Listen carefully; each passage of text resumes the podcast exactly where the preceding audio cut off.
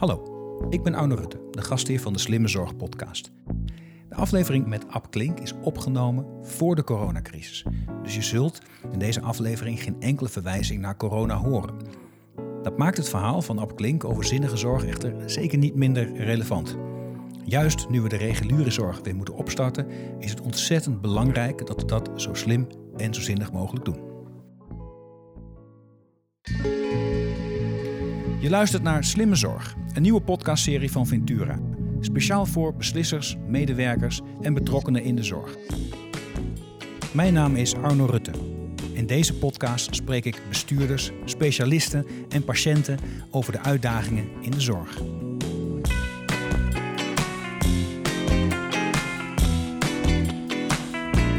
Sinds het overlijden van mijn broer en mijn vader aan kanker zet ik mij iedere dag in om goede gezondheidszorg voor iedereen te waarborgen.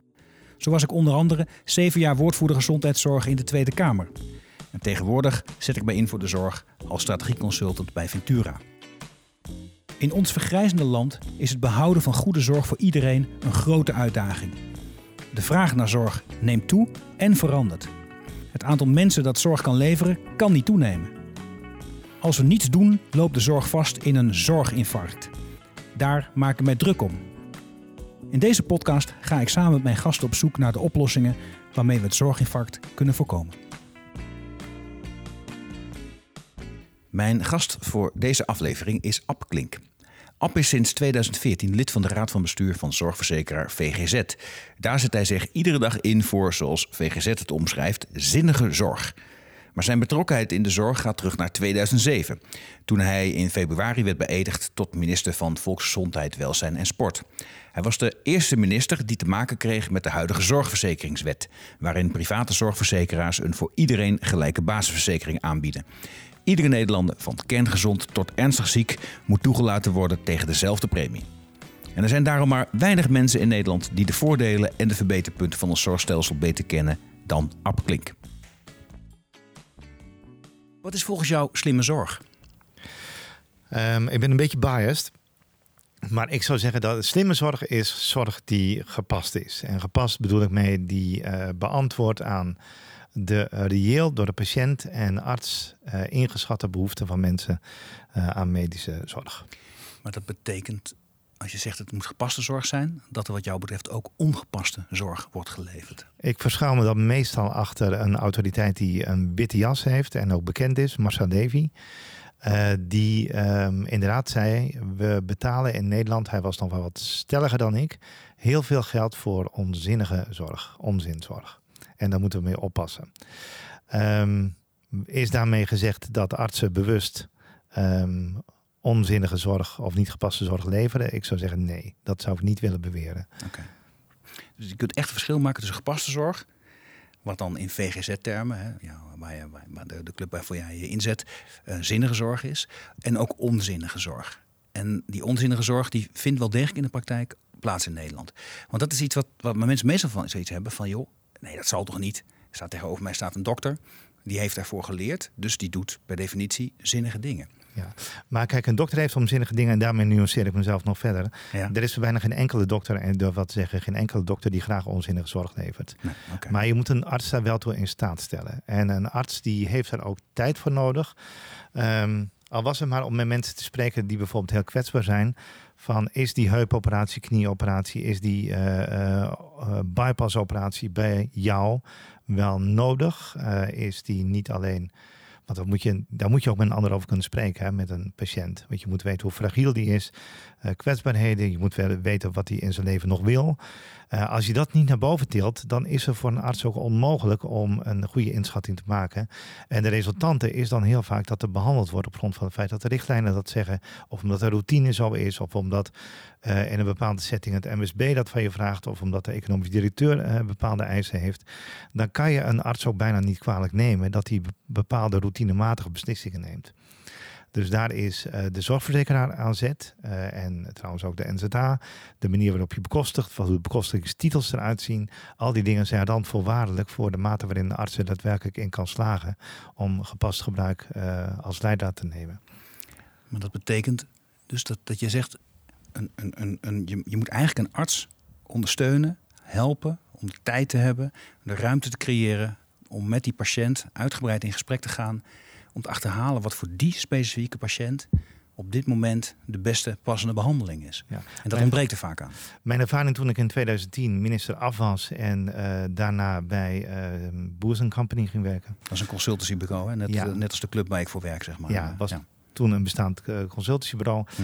Ehm, toen ben ik langs veel medische staven gegaan en hield daar presentaties. Ik kwam dan met uh, statistieken en overzichten ontleend aan Gilbert Welch bijvoorbeeld. Dat is een huisarts en statisticus en hoogleraar in Amerika. Mhm. Die liet de overdiagnostiek zien bij bijvoorbeeld uh, CT-scans met longen. En ik dacht echt, als ik dit, ga, uh, als ik dit voor de voetlicht breng, dan gaan al die artsen die gaan, die, ja, gaan protesteren. Die, die, nee, die protesteren. Die oh. zeggen, dit kan je niet maken, dit kan je over ons niet vertellen. Mhm. Maar bijna alle artsen die ik tegenkwam, die zeiden van, uh, sterker nog, en dan kwamen ze met hun eigen verhalen. Mhm. En wat zij ons, uh, want ik was niet alleen, Jan Kremer was er ook bij, aangaven is, die context waarin wij functioneren, maakt het bijna onmogelijk om hier een agenda van te maken.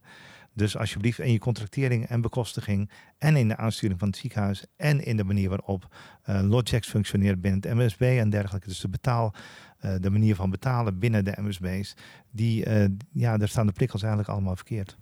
Even, voor, de, voor de luisteraars, een MSB is een medisch specialistisch bedrijf. De meeste mensen beseffen zich niet dat, als, dat, dat, dat heel veel artsen zijn niet in dienst bij een ziekenhuis, maar die werken vanuit een met, met alle artsen in het ziekenhuis georganiseerd bedrijf in dat ziekenhuis. Hè. Dat is eigenlijk een zelfstandig bedrijf. En dan hebben ze een bepaalde verdeelsleutel op basis van hoeveel verrichtingen ze eh, doen. Hoe ze, waarop, op basis waarvan ze dan onderling zeggen van zoveel verdien ik, zo verdien jij. Dat is dat Logix, toch? Dat is Logix. Oh, Logix, ja. ja. Wat bijvoorbeeld gedaan is overigens in samenspel met Logix, mhm. ehm, is door de Noordwest Ziekenhuisgroep. Daar, hebben, daar heeft het MSB gezegd, wij willen uh, niet meer betaald worden op basis van onze productie. Dus de hoeveelheid uh, verrichtingen die we doen. Uh, want het was namelijk zo dat, uh, en dat is best ingewikkeld uh, en tegelijkertijd ook wel, wel redelijk simpel. binnen een MSB heb je bijvoorbeeld de cardiologen, de neurologen, de orthopeden enzovoort. Dat zijn afzonderlijke vakgroepen, beroepsgroepen.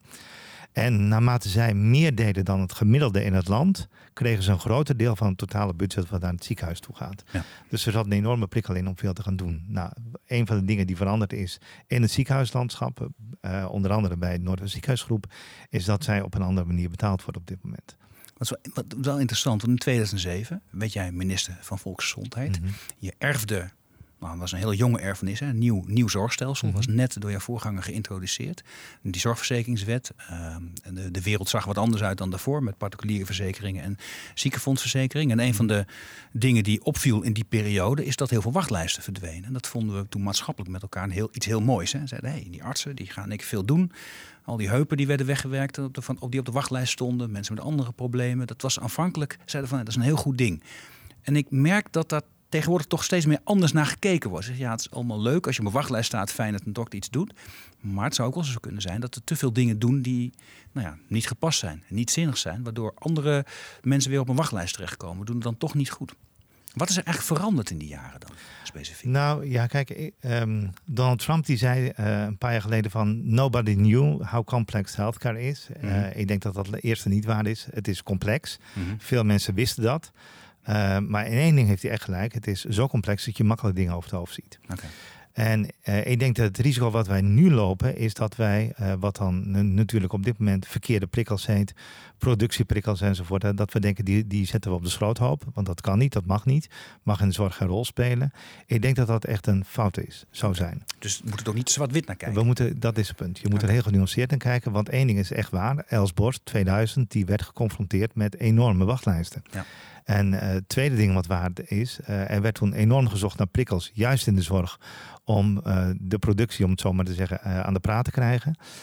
en dat waren geen domme mensen. Die zagen heus wel in dat het compleet wegnemen van elke prikkel ook heel makkelijk tot een ander economisch effect leidt en economisch gedrag leidt. Namelijk dat je gegeven de budgetten die je hebt, gegeven die salarissen die je hebt, doe je ook weer niet al te veel. Je spant je niet ja, zeg maar, voor 110% in. Net zoals gezegd, in september van elk jaar, elk jaar was de zorg op.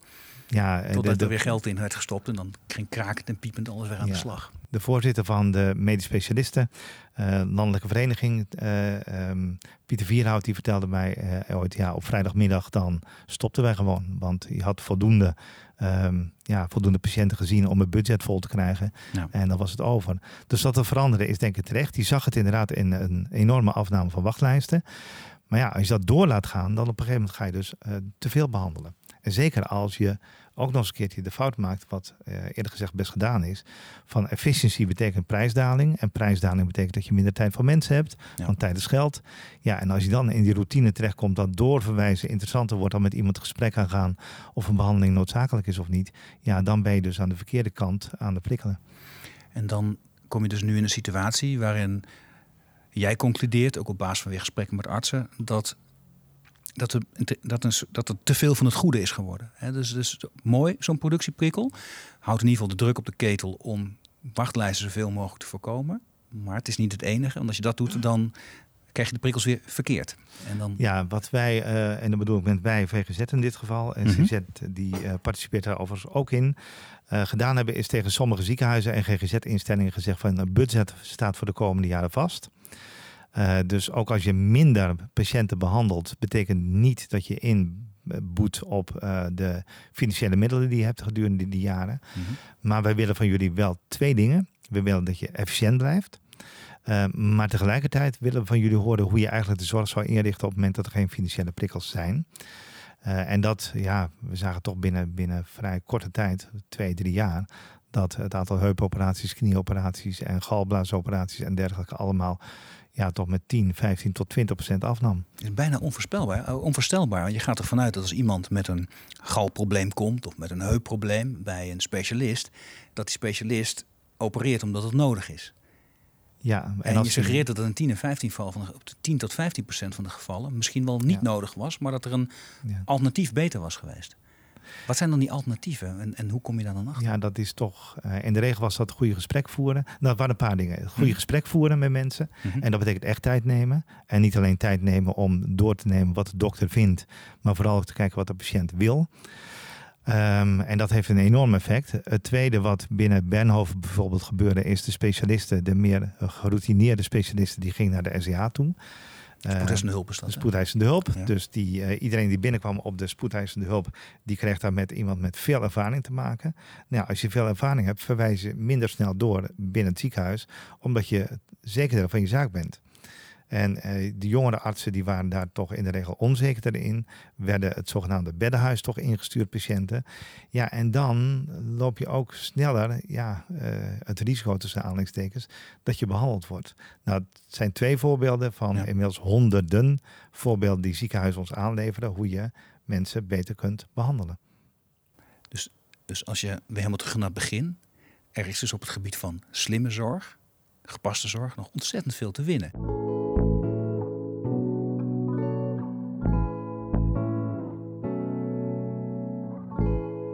De zorg komen voorbeelden van... hé, maar het kan ook anders, het kan ook zus, kan zo. Ehm, hoe, kan, hoe komen we dan zover dat die honderden voorbeelden... voorbij gaan aan het voorbeeld? Dat het de nieuwe norm wordt, dat we het slim doen, dat we het gepast doen. Hoe werkt dat? Nou, misschien één voorbeeld, de devil is in de detail. Hè? Ja. Vaak wordt tegen ons gezegd, ja, maar de richtlijnen die moeten dan eventueel aangepast worden. Maar het zit hem heel vaak. En die zijn er niet voor niks die richtlijnen. Ja, We willen ook niet dat een dokter zomaar wat doet. Hè? Er zit heel veel bewijs en, en, en nadenkwerk in die richtlijn. Maar binnen die richtlijnen is er nog zo ontzettend veel mogelijk. Misschien twee voorbeelden over mhm. slimme zorg. Eén eh, uh, eh, voorbeeld, dat is al heel vaak gewisseld, maar desalniettemin. Bij borstkankerzorg uh, was het in de regel en is het in de regel zo dat iemand naar de huisarts gaat, een mevrouw, die verwijst door naar het ziekenhuis. Dan komt bij de chirurg. De chirurg die zegt, we moeten eerst een foto maken, een radioloog. De radioloog maakt een foto, de uitkomsten daarvan en de beoordeling gaat naar de chirurg. Die spreekt weer vervolgens met die mevrouw in kwestie. En daar gaan twee weken overheen. Ja. Nou, waarom, eh, zo zeiden ze bij de Noordwest ziekenhuisgroep opnieuw en bij Albert Schweitzer, waarom ga je niet als patiënt eh, vanuit de huisarts direct naar de radioloog? Die maakt de schifting, is er iets aan de hand, pas dan ga je naar de chirurg toe. Dat betekent een versnelling van de uitslag van 14 dagen ongeveer naar een uh, dagdeel. En het scheelt dus consult bij de chirurg. het consult. Ja. Dus hier ging op wat Obama ooit noemde saving lives, saving costs. Mhm. Die combinatie is dus wel degelijk mogelijk. Ja. Ehm, dus die gepaste zorg is ook in dat geval betere zorg, ja, snellere zorg. Ja, en, en daar hoef je echt geen hogere wiskunde voor gestudeerd te hebben om te weten dat als je de chirurg overslaat terwijl die nog niet nodig is in het zorgpad, dat dat, uh, en, en je hebt eerder de uitslag, dat het voor mensen alleen maar beter is. Ja, en die chirurg is een schaars goed. Hè? Daar hebben we chirurg is ook nog schaars goed, ja. Tweede voorbeeld waarvan ook iedereen denkt, ja natuurlijk is dat zo, ook geen richtlijnen aanpassen. Hoef je echt niet met uitkomstbekostiging te gaan werken, met dure wetenschappelijke studies enzovoort. Uh, het Catharina ziekenhuis, daar hebben ze te maken met mensen die, uh, uh, zoals bijna alle ziekenhuizen, die een stoma moeten. Nou, stoma betekent daarna, meestal in een thuissituatie, door de thuishulp, de verpleegkundige vanuit de thuiszorg moet ik zeggen, die instrueert mensen dan hoe ze dat moeten doen. Dat loopt toch te vaak mis hè, met lekkages en infecties enzovoort. Mensen moeten dan terug naar het ziekenhuis.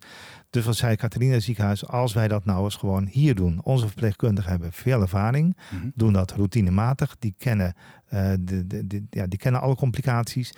Dus de mensen krijgen binnen dat ziekenhuis, voordat ze de operatie krijgen en daarna de instructies van verpleegkundigen die daar ongelooflijk ervaren in zijn. Het gevolg is veel minder lekkages, veel minder infecties, veel minder ellende voor mensen op het moment dat ze thuis zijn. Uh, het is een lichte kostenverhoging in het ziekenhuis, want die verpleegkundigen daar krijgen natuurlijk extra activiteiten. Maar je bespaart op het moment dat je dat landelijk zou uitrollen, bespaar je zo 300, 400 verpleegkundigen die nu dat werk doen in de thuissituatie. En je bespaart al die retourconsulten op het moment dat het misgaat. Ja, dus ook hier, eh, je moet uh, um, dat, kijk, een verzekeraar kan dat niet verzinnen, een politicus ook niet, uh, een bestuurder ook niet. Je moet in het dagelijks proces zitten om te weten welke stappen te zetten zijn. En nou ja, nogmaals, de devil is in de detail. Dus je hebt een open relatie nodig met de mensen die uh, die voorbeelden naar boven tillen. Die moet je ook nieuwsgierig naar zijn. En dan uh, krijg je jouw vraag van hoe ga je dat nou opschalen? Hoe zorg je nou voor dat dat door iedereen gehanteerd wordt? Dat, precies, want die voorbeelden zijn er kennelijk. die voorbeelden zijn er. En hoe voorkom je nou, want, want wat mij heel erg opviel, wat je, wat je eerder net zei, van joh, ik was consultant, ik had allemaal voorbeelden van ik denk dit is schokkend. Als ik dit met, met specialisten bespreek, dan worden ze heel boos op me. Vervolgens zeggen die specialisten, wat jij zegt klopt, dat wisten we al. Sterker nog, er is nog veel meer aan de hand. Maar we zijn een beetje slachtoffer van onze eigen situatie geworden. Wij kunnen dit zelf niet veranderen, ook al vinden we het eigenlijk niet goed. En als je het structureel wilt verbeteren, moet je een situatie creëren waarin specialisten, maar eigenlijk iedere medische professional denkt van ja, maar ik heb wel invloed op mijn omgeving, hoe, hoe het gaat. En dan kunnen we weer vooruit.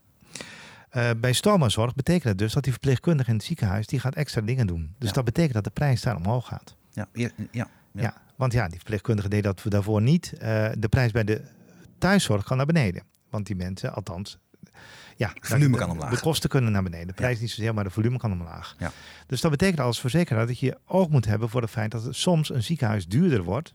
En dat je er moet voor betalen, maar dat elders de winsten vallen. Winst in gezondheidszin, in termen van gezondheid, en in, in uh, economische zin, namelijk de euro's. Uh, waar niks mis mee is, want de zorg is hartstikke duur. En als we die zorgkosten kunnen bestrijden door betere zorg te leveren, ja, dan winnen we dus aan twee kanten. Ja, en als het dan niet in euro's is, dan, kunnen, dan is het omdat de mensen anders opraken en we ze nu dan wel nog gericht in kunnen zetten voor wat nodig is. Voor de arbeidsmarkt is het ook meer dan uh, prima. Ja. Maar die fixatie van verzekeraars op prijzen, daar moet je dus vanaf. Soms moet de prijs omhoog, want je hebt meer tijd nodig voor patiënten. Mm -hmm. En soms heb je in de ziekenhuis ook extra activiteiten nodig. Um, dat kan contractueel het beste door een meerjarencontract aan te gaan. En te zeggen van je hebt langjarige zekerheid over de budgetten die je krijgt. Waarbinnen die innovaties ook daadwerkelijk gaan lonen. Zodat je rust creëert ja, bij zo'n ziekenhuis. Rust. En ten tweede, op het moment dat er dan winst is in termen van we doen minder operaties bijvoorbeeld. Uh, en je roomt dat niet direct af, dan heeft het ziekenhuis ook nog meer marge waarbinnen innovaties en dergelijke kunnen gaan lonen. Dus de betaaltitel moet anders. Je moet soms anders betalen in termen van niveau. De prijs kan soms omhoog. En uh, de meerjarigheid van de contracten creëert stabiliteit. Dat klinkt eigenlijk heel eenvoudig. Nee, ik sluit een meerjarig contract. U krijgt de ruimte. We volgen het kritisch, maar uh, die komen mooie veranderingen uit. Maar iets doet mij vermoeden dat het dus helemaal niet zo makkelijk is. Nee, dat, laat ik even het voorbeeld hernemen van uh, de borstkankerzorg. op het moment dat de chirurg daaruit gaat, uit dat zorgpad, ja, dan ziet hij minder patiënten. En op het moment dat hij dan nog steeds betaald wordt op basis van het aantal patiënten wat hij ziet en behandelt, uh, of een hand geeft en vervolgens wat adviezen meegeeft, uh, dus zeg maar de interactie met de patiënt, ja, dan uh, krijg je toch binnen zo'n medisch specialistisch bedrijf of binnen een ziekenhuis krijg je een herschikking. hij zal misschien moeten afschalen. en dat vindt natuurlijk niemand leuk, maar daar helpt die meerjarigheid weer wel. Want op het moment dat je meerjarig je budgetten kent, en je kan als het ware een zachte landing creëren, omdat mensen soms weggaan, soms met pensioen gaan, natuurlijk verloop en dergelijke, kun je dan wel incasseren binnen je ziekenhuis. Maar daar heb je ook ja, draairuimte en draaitijd voor nodig en transitietijd binnen uh, de instelling. En dan nog hoor, is het heel lastig, want het not invented here syndroom is binnen de zorg, zoals overal trouwens, heel groot. Ik heb het zelf niet verzonnen. Het komt elders vandaan. De routine is anders. En ja, ga het maar eens aanpassen. Ja, laten we het daar eens over hebben. Want je zei, als je, de, je geeft de ruimte um, aan, aan, aan steeds meer, in dit geval ziekenhuizen, om na te denken over hoe kunnen dingen anders en slimmer. Gebeurt ook op andere plekken in de zorg. Huisartsen denken erover na. Heb je volgens mij ook voorbeelden van. Hoe je met meer tijd kunt voorkomen dat er meer wordt doorverwezen. Een bewijs wordt dan geleverd van hey, dit werkt, dit is, dit, is, dit is slim, dit is gepast. En dan, dan, moet, dan begint het eigenlijk pas. Want hoe overtuig je dan een ander om het ook te gaan doen? Of hoe voorkom je dat als de een minder doet, dat de ander denkt, nou pik in, het is winter, dan pak ik die ruimte. Ja, wij doen dat zelf, hè, maar er komt zo meteen nog wel even op een paar andere scenario's. Wij doen mhm. dat zelf op twee manieren. Wij lijsten al die voorbeelden op. En die, nee, drie dingen. Eén, mhm. we checken, helpt het echt? Um, Hoe doe je dat? Is het medisch gezien echt beter? Oké. Nou, op het moment dat dat redelijk onomstreden is, eigenlijk gewoon onomstreden is, ik gaf een paar voorbeelden, dan kijken we vervolgens wat heeft voor financiële impact. Um, het moment dat wij dan die voorbeelden uh, gewoon aan alle kanten betast en beklopt hebben en ze werken, dan gaan wij vervolgens met die opleiding, en we hebben zo'n duizend voorbeelden inmiddels, hè, met, met die voorbeelden gaan wij naar andere ziekenhuizen in het kader van onze contractering en zeggen wij, kijk, op deze manier zouden ook jullie kosten kunnen besparen. Dus we nemen die hele, die, die hele set aan informatie mee. Dat is in de contractering speelt dat een rol. Het tweede wat we doen tegen de ziekenhuizen, we zeggen ja, moet je eens goed luisteren. Die ziekenhuizen die dit doen, die gaan in omzet naar beneden. En dat houden ze alleen maar vol uh, als wij vervolgens niet tegen andere ziekenhuizen zeggen van joh, de uh, sky is the limit. Jullie mogen gewoon groeien. Dus ook zij moeten uh, in de pas gaan lopen met het verminderen van hun omzet. En daar begint het en dan, begint te worden. Het, en dan begint het moeilijker te worden. Dat zijn die voorbeelden die je dan ook in de media terugziet. Zeg, ja, het, allemaal leuk, dat, die zinnige zorg van VGZ. Maar wij krijgen een dictaat dat wij ook omlaag moeten. En kijk eens hoeveel mensen hier door de poort lopen. En die kan ik toch niet allemaal zomaar wegsturen. Wat ik ook weer begrijp trouwens. Hè? Ik was in 2008 was ik bij de Mayo Clinic. Dat is een van de meest gerenommeerde ziekenhuizen in de wereld. Uh, in Amerika Van, van Amerika. Ja. Um, Dennis Cortese, zelf een arts, CEO, al acht jaar lang de baas toen van de Mayo Clinic die zei tegen mij: Kijk, wat is mijn missie als ziekenhuisdirecteur? En daarmee, eh, nou goed, de ziekenhuisdirecteur heeft wat een geweldige baan natuurlijk met een geweldige reputatie. Als je hem op YouTube filmpjes ziet, dan spreekt hij heel vaak zijn audience, zijn uh, toehoorders toe. En dan zegt hij van, wie van jullie wil morgen in het ziekenhuis zijn? Nou, hij zegt, ik heb, dat zie je trouwens ook op YouTube, hè. Dus steekt niemand zijn vinger op. Wie van jullie wil morgen patiënt zijn? Dan steekt niemand zijn vinger nee, op. ook niemand, nee. Dus zeg, zegt hij, wat is mijn missie? My mission is to keep you out of the hospital. Wat is mijn verdienmodel? To get you into the hospital. Maar ik wil jullie er buiten houden. Dat lukt mij ook. Mijn omzet gaat dan naar beneden. Althans, stijgt niet zo heel hard. Wat ik dan niet kan hebben, is dat er een verzekeraar is die zegt van... oké, jij doet je stinkende best om de zorg beter te maken en om af te schalen. Je kosten in de hand te houden. Maar 50 mijl verder weg, letterlijk zijn citaat um, mag een ziekenhuis gewoon onbeperkt groeien. Dat gaat op een gegeven moment niet meer werken, want dan zegt mijn staf van ja, wacht even, wij gaan ons die moeite niet getroosten als ergens anders gewoon gegroeid kan worden.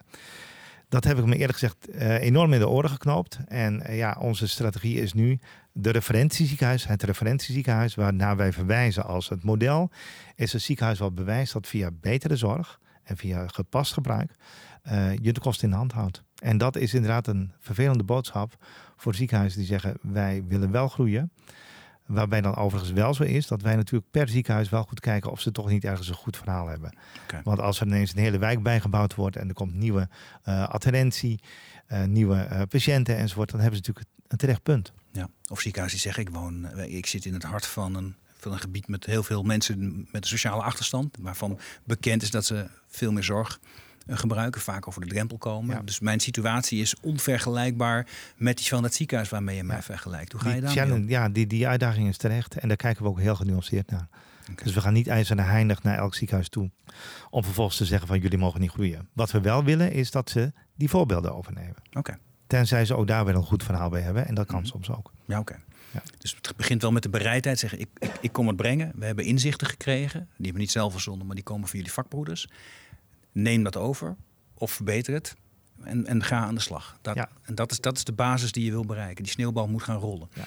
En wat je gaandeweg en meer en meer ziet, is dat artsen zeggen: oké, eh, dat willen wij best adopteren. Sterker nog, we hebben zelf ook ideeën uh, hoe we dat mandje met die goede voorbeelden nog kunnen versterken en verbeteren.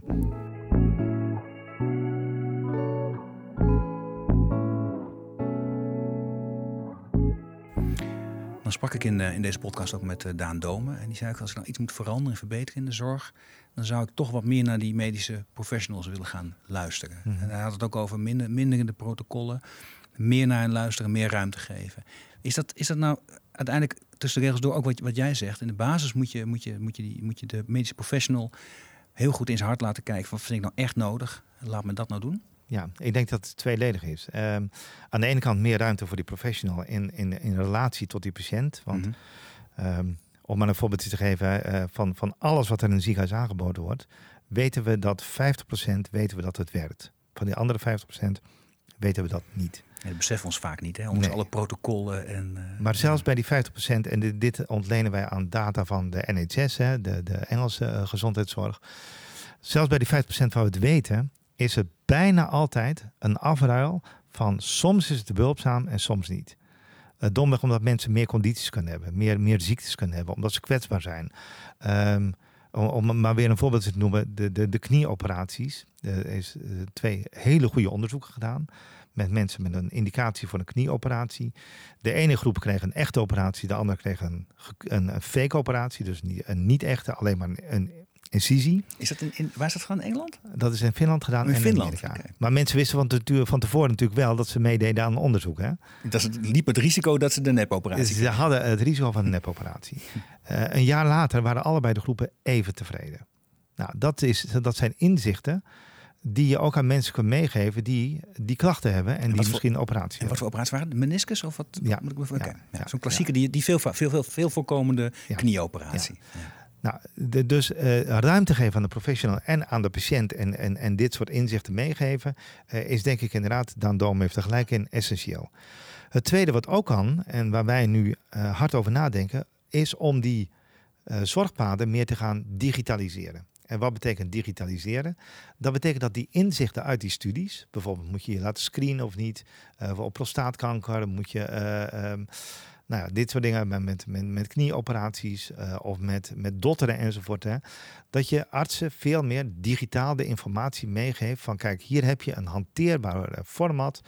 Uh, en er zijn prachtige voorbeelden van. Van zie je 100 poppetjes links en 100 poppetjes rechts. Met screening, zonder screening. Met een diagnose, zonder diagnose. En wat is de mortaliteit? Wat is de uh, mate van overbehandeling? Wat zijn de side effects? De bijeffecten van behandelen enzovoort. Dat geeft in één oogopslag. Kan je een patiënt als vader bij de hand nemen en zeggen: Dit is ongeveer de vraag waar je voor staat. Uh, op het moment dat je dat hanteerbaar en handzaam aan een arts, bij een arts neerlegt, kan die daar ook beter mee aan de slag. Dus aan de ene kant toerusten om die gesprekken aan te gaan. En in dat zorgpad bijvoorbeeld ook zorgen dat daar de chirurg niet meer in zit. Op het moment dat er nog een foto gemaakt moet worden, een radiologische uh, diagnose gesteld moet worden. Zo kun je zorgpaden, naar mijn beleven, meer slimmer gaan digitaliseren.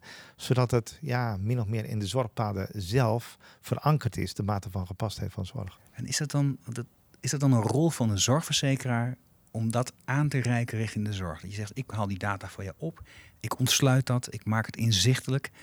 Dat zou in ieder geval een geheel nieuwe, nieuwe positie zijn voor een verzekeraar. Ja, ik denk het wel, maar nooit alleen. Dat kan alleen maar met waar wij op dit moment mee werken, zijn koploper ziekenhuizen.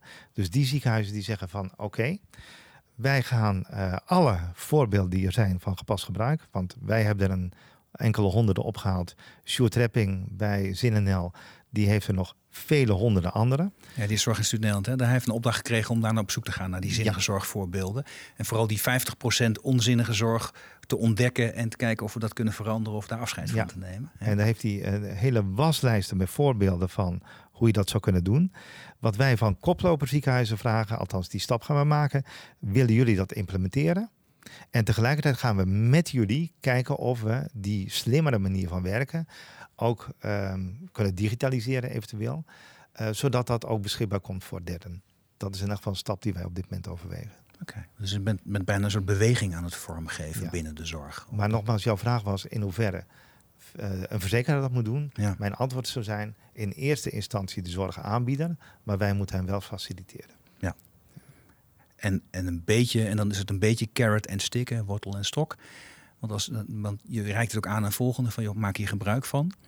Maar als iemand echt niet wil, dan, ja, dan, ja, dan lijkt me een lastige positie. Maar dan het enige wat je dan nog kunt doen is aan de, aan, aan de tarieven draaien. Ja, maar op, kijk, als die manier van werken op een gegeven moment zo, uh, um, ja, zo voor de hand liggend wordt. Mm -hmm. En dat je daarbij zo geassisteerd wordt dat je er eigenlijk niet aan kunt ontkomen. Uh, dan wordt het ook wel veel makkelijker om te gaan volgen.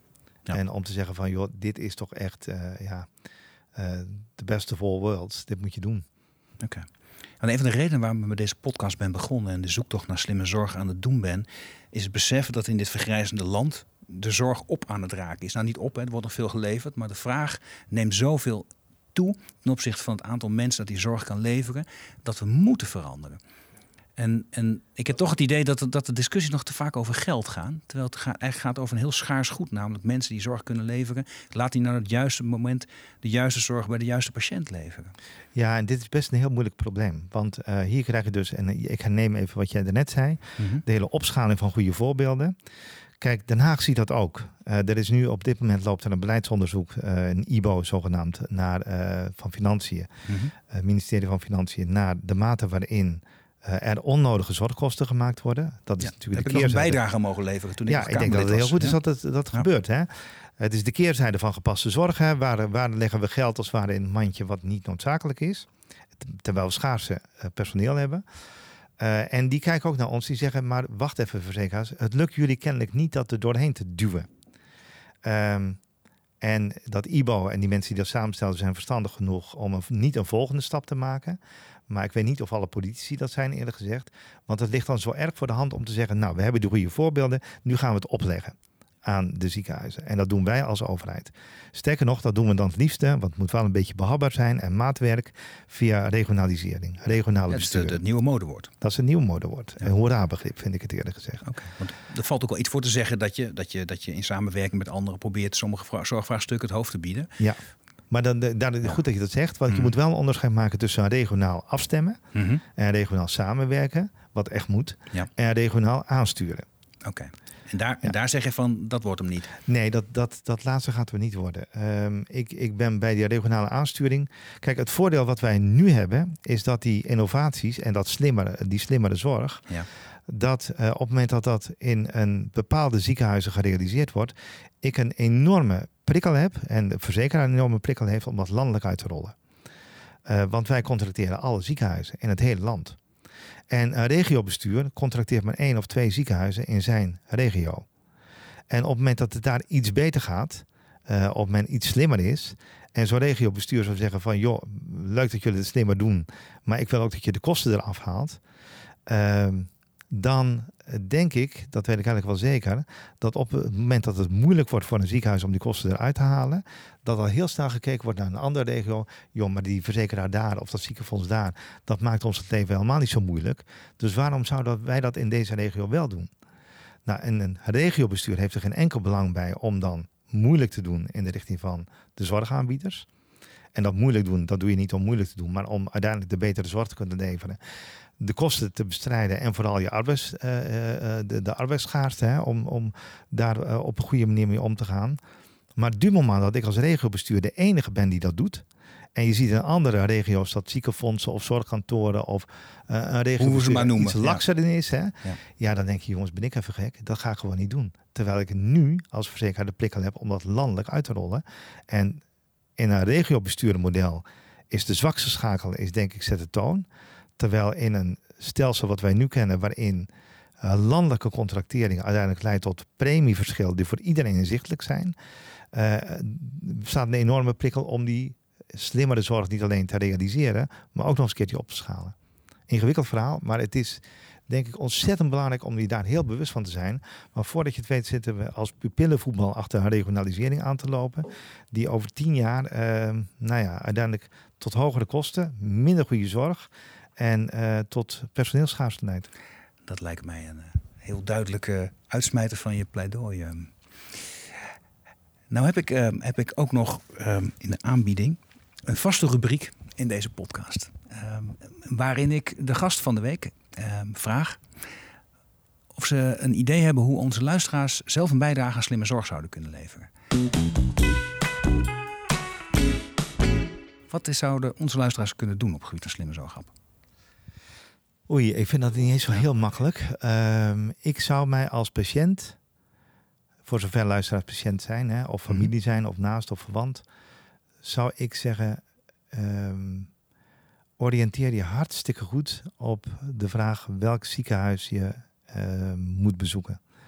Um, omdat toch de kwaliteitsverschillen, maar ook de gepastheid van zorg, daar zit toch een enorm verschil in. Okay. Uh, en ik zou bijna zeggen, uh, let vooral op de mate waarin er tijd voor je genomen wordt als patiënt. En waarin men, de mate waarin men, ja, het is zo moeilijk te beoordelen, voor patiënten eerlijk gezegd. Maar de mate waarin men ja, toch gepast gebruik levert. En is dat, is dat iets waarvoor je, um, want jij zegt het vanuit je, ook vanuit je hoedanigheid hè, als, als, als bestuurslid van de zorgverzekeraar, maar is dat iets waarvoor je een zorgverzekeraar zou kunnen bellen ja, om een patiënt te ondersteunen bij dit soort vragen? Ja, ik, ik, kan niet in detail treden, maar ik, ik heb het al twee keer met mijn vader aan de hand gehad. Mhm. Dat hij toch aanbevelingen kreeg om bepaalde uh, ja, behandelingen te ondergaan. En dat ik belde met goede collega's die uh, in uh, sommige ziekenhuizen werken. En dat er uiteindelijk van afgezien is en uh, de man eigenlijk zo ongelooflijk blij was.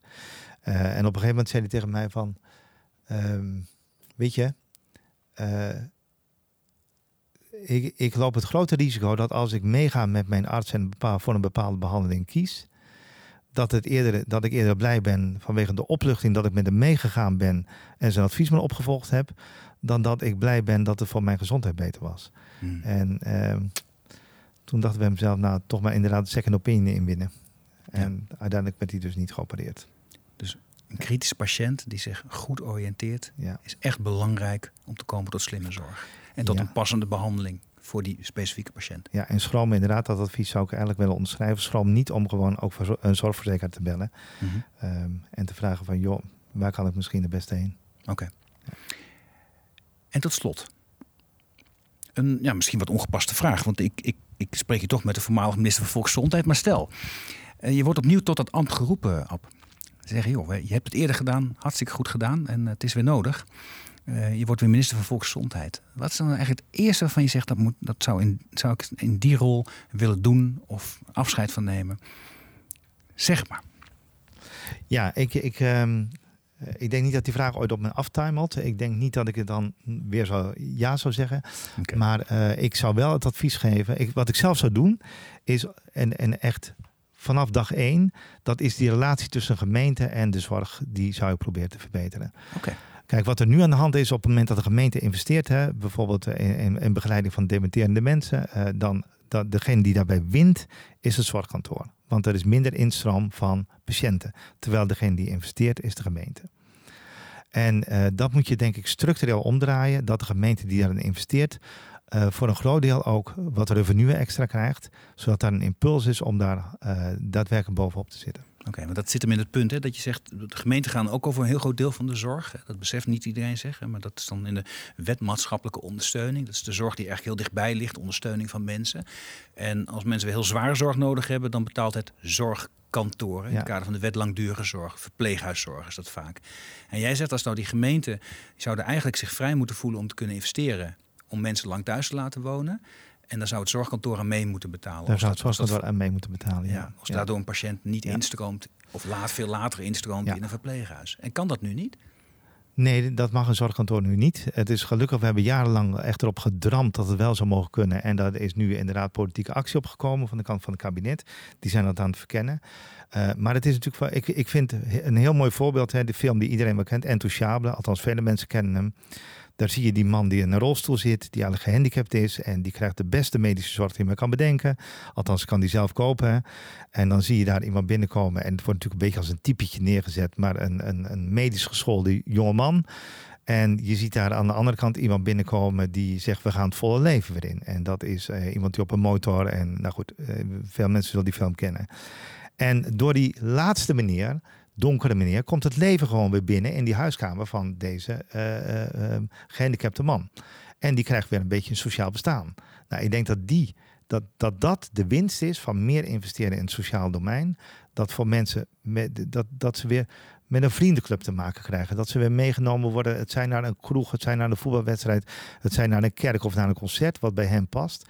En de impact op de gezondheid is vele malen groter. En dan loop je tegen twee dingen op. Dat zijn de schotten, inderdaad. Hè. Een gemeente die daarin investeert, die betaalt. En degene die profiteert is het zorgkantoor. Want die betaalt voor de langdurige zorg in de verpleeghuizen. Uh, dus dat gaan de politiek doorbreken. En waar, wat zorgkantoren moeten doen, en gemeenten, maar vooral ook zorgkantoren en zorgverzekeraars, die moeten er enorm op letten.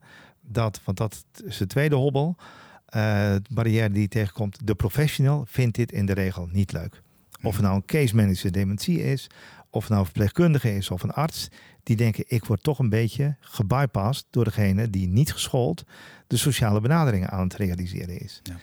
En uh, die zal dat niet leuk vinden. En daar is wat tegendruk van de kant van de financier, de zorgkantoren en dergelijke, in mijn beleven sterk nodig. Ja. Ja, want dat, dat is wel het laatste punt. En dus bijna een, een haakje voor een heel nieuw gesprek. Want waar gaat zorgen over? Hè? Gaat zorgen over om zo hoog mogelijk kwaliteit goede zorg te leveren? Ja, vind je belangrijk. Als je zorg krijgt, moet die goed zijn. Maar uiteindelijk onderliggend gaat het natuurlijk alleen maar om kwaliteit van leven. Ja, het. Dus, dus, dus de, de, de interventie, datgene wat je doet, dat je de meeste kwaliteit van leven oplevert. En als dat een gang naar het voetbalstadion is, moet je dat vooral doen, ja. zou zeggen. En daar, dat, dat, is, dat, is, dat valt buiten het kader van de zorg. Ja. Um, en ook in de GGZ, ik las afgelopen weekend het boek van Flip-Jan van Oenen over de, de uh, geloof ik, de mythe geloof ik dat van, van de psychotherapie dat het heet. Ik geloof dat ik de titel niet helemaal goed noem. Maar ook daar geldt, de verwachtingen die mensen van de medicus hebben dat die een probleem oplossen, in dit geval de psychotherapeut of de psycholoog, zijn stelling is, wij kunnen niks oplossen. Hoe helpen wij jullie? Door te zeggen dat we jullie niet kunnen helpen. Dat je het moet verdragen. Ja, en eerder gezegd, verdragen, dat kan soms beter met ervaringsdeskundigen en mensen die je weer in een sociaal netwerk invlechten, dan met iemand die uh, misschien, ja, hoe, hoe, hoe vervelend misschien ook klinkt, maar 10, 15 jaar lang gestudeerd heeft en met veel, veel wetenschappelijke inzichten, zoals Filip-Jan van Oenen, tot de conclusie moet komen. Het enige wat ik tegen je kan zeggen is, verdraag het. En soms is dat ook slimme zorg. En soms is dat hele slimme zorg, ja. App, dankjewel. Graag gedaan. Dit was aflevering 2 van Slimme Zorg, de podcast waarin nagedacht wordt over oplossingen waarmee een zorginfarct voorkomen kan worden. Een nieuwe podcastserie van Ventura. Abonneer je vooral op deze show via iTunes en Spotify of jouw favoriete podcast-app en voel je vrij om een review achter te laten. Je helpt de podcast daar enorm mee en ik vind het zelf ook heel erg leuk om te lezen. Je mag mij ook mailen op podcast.ventura.com. Mijn naam is Arno Rutte. Dit was Slimme Zorg. Je hoort mij over twee weken weer in een nieuwe aflevering.